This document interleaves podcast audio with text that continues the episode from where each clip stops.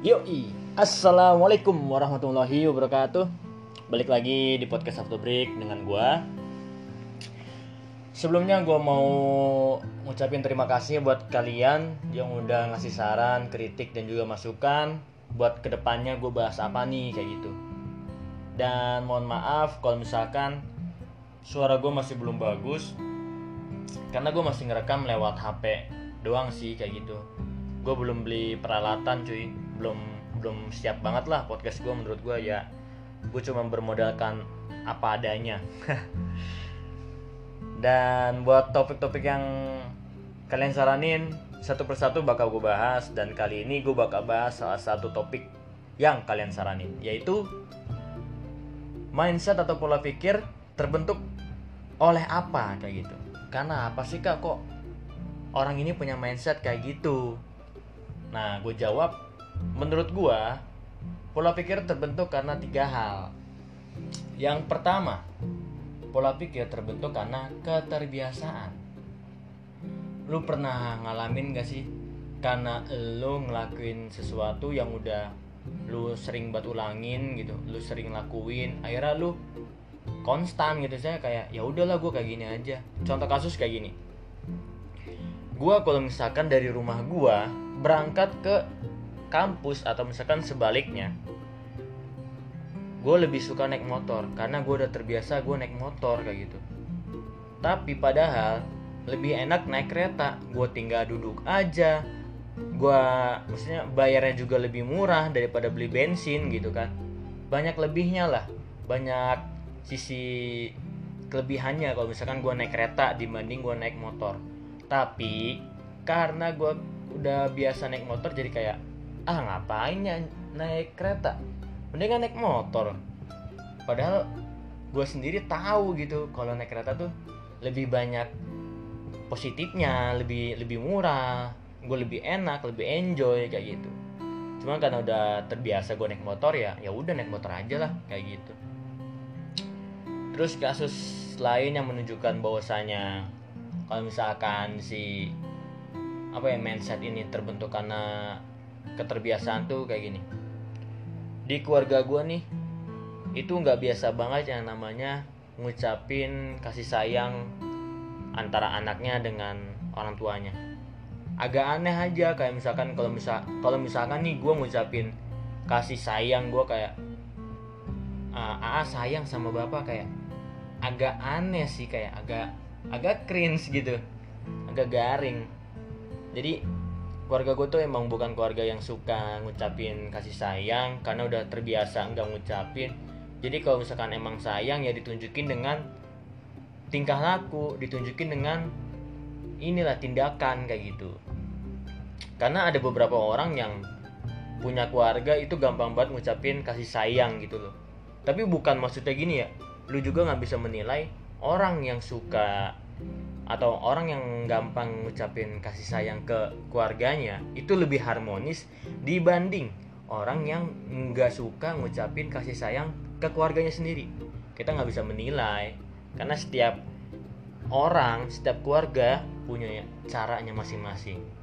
Mereka punya kepala mereka punya otak mereka punya cara masing-masing bro. Kita harus menghargai caranya mereka.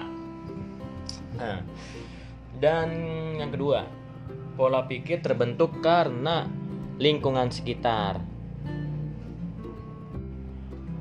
Maksudnya pola pikir terbentuk karena lingkungan sekitar tuh kayak gini.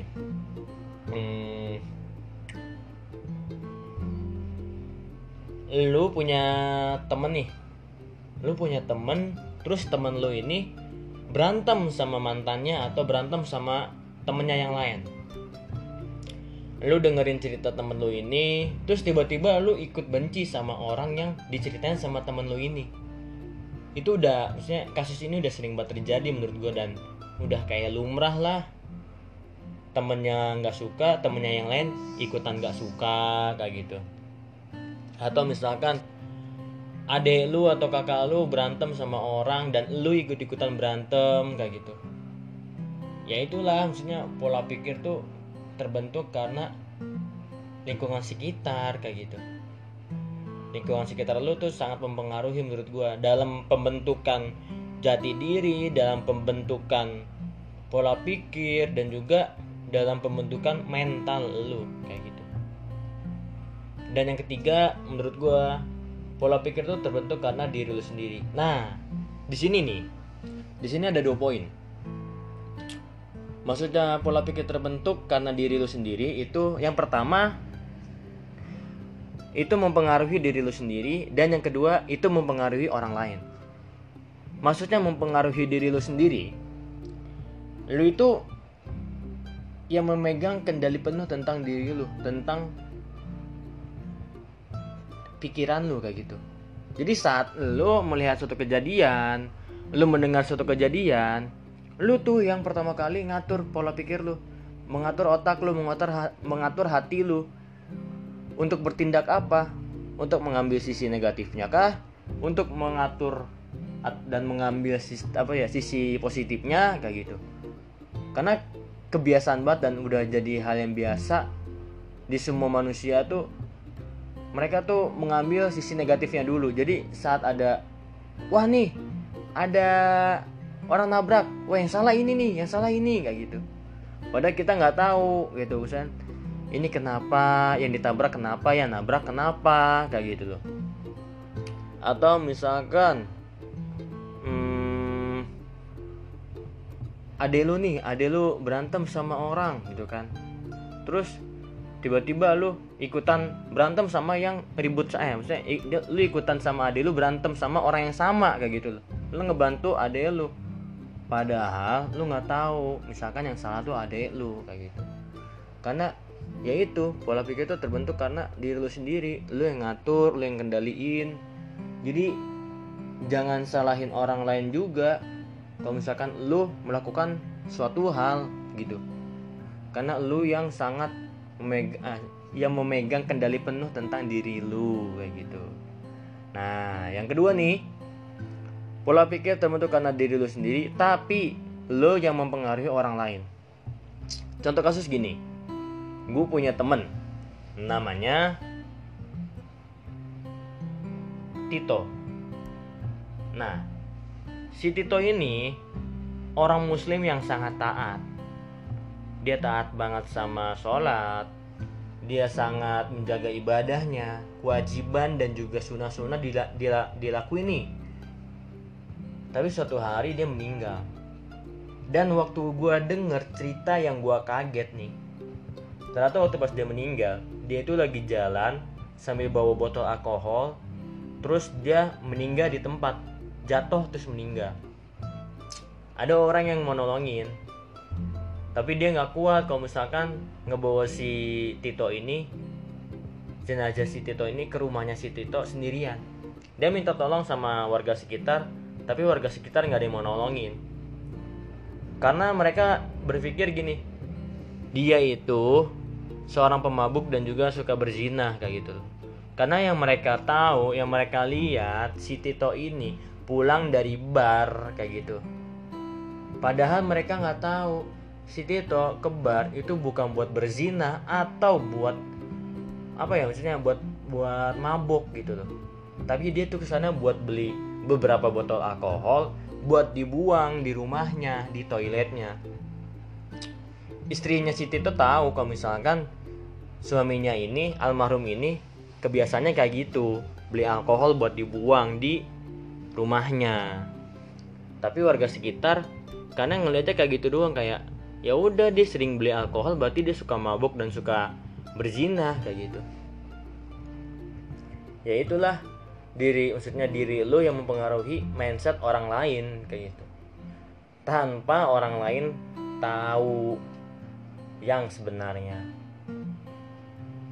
Ya gitu sih maksudnya kejadian-kejadian kayak gitu tuh udah sering dan lu harus akuin bahwasanya lu tuh termasuk yang mana tuh kayak gitu. Lu tuh orang yang suka jahat sama diri lu sendiri maksudnya jahat sama diri lu tuh lu sering memaksakan dan memberikan asupan-asupan buruk terhadap pikiran lu terhadap hati lu. Semakin sering lu memberikan asupan jahat maka akan terbiasa pikiran lu sama hati lu gitu. Jadi saat lu apa ya ngalamin atau melihat suatu kejadian pasti yang lo ambil pertama kali tuh buruknya. Kayak gitu jangan terlalu jahat lah sama diri sendiri menurut gua karena eh, nggak uh, baik juga kalau misalkan lo terlalu jahat sama diri lo maksudnya terlalu sering memasukkan atau membiasakan berpikiran buruk gitu loh nggak baik cuy ya mungkin dari gue kayak gitu aja sih maksud gue Pola pikir tuh terbentuk karena tiga. Diri lu sendiri, lingkungan sekitar, dan kebiasaan yang lu lakuin kayak gitu. Nah dari kalian kayak gimana nih? Maksudnya menurut kalian pola pikir tuh terbentuk karena apa sih gitu? Kalian bisa sanggah omongan gua, kalian bisa ngasih eh bisa sharing juga menurut kalian kayak gimana kayak gitu. Mungkin ada tambahan dari kalian. Dan yang terpenting saran dan kritik jangan lupa. Itu gue butuh butuh banget gue buat gue memperbaiki podcast gue ke depannya kayak gitu loh. Ya mungkin gitu aja Sekian, terima kasih. Makasih banget buat kalian yang udah luangin waktunya buat dengerin podcast gue ini cukup lama ya, 11 menitan kayak gitu. Dan sampai jumpa di podcast selanjutnya. Yoi. thank you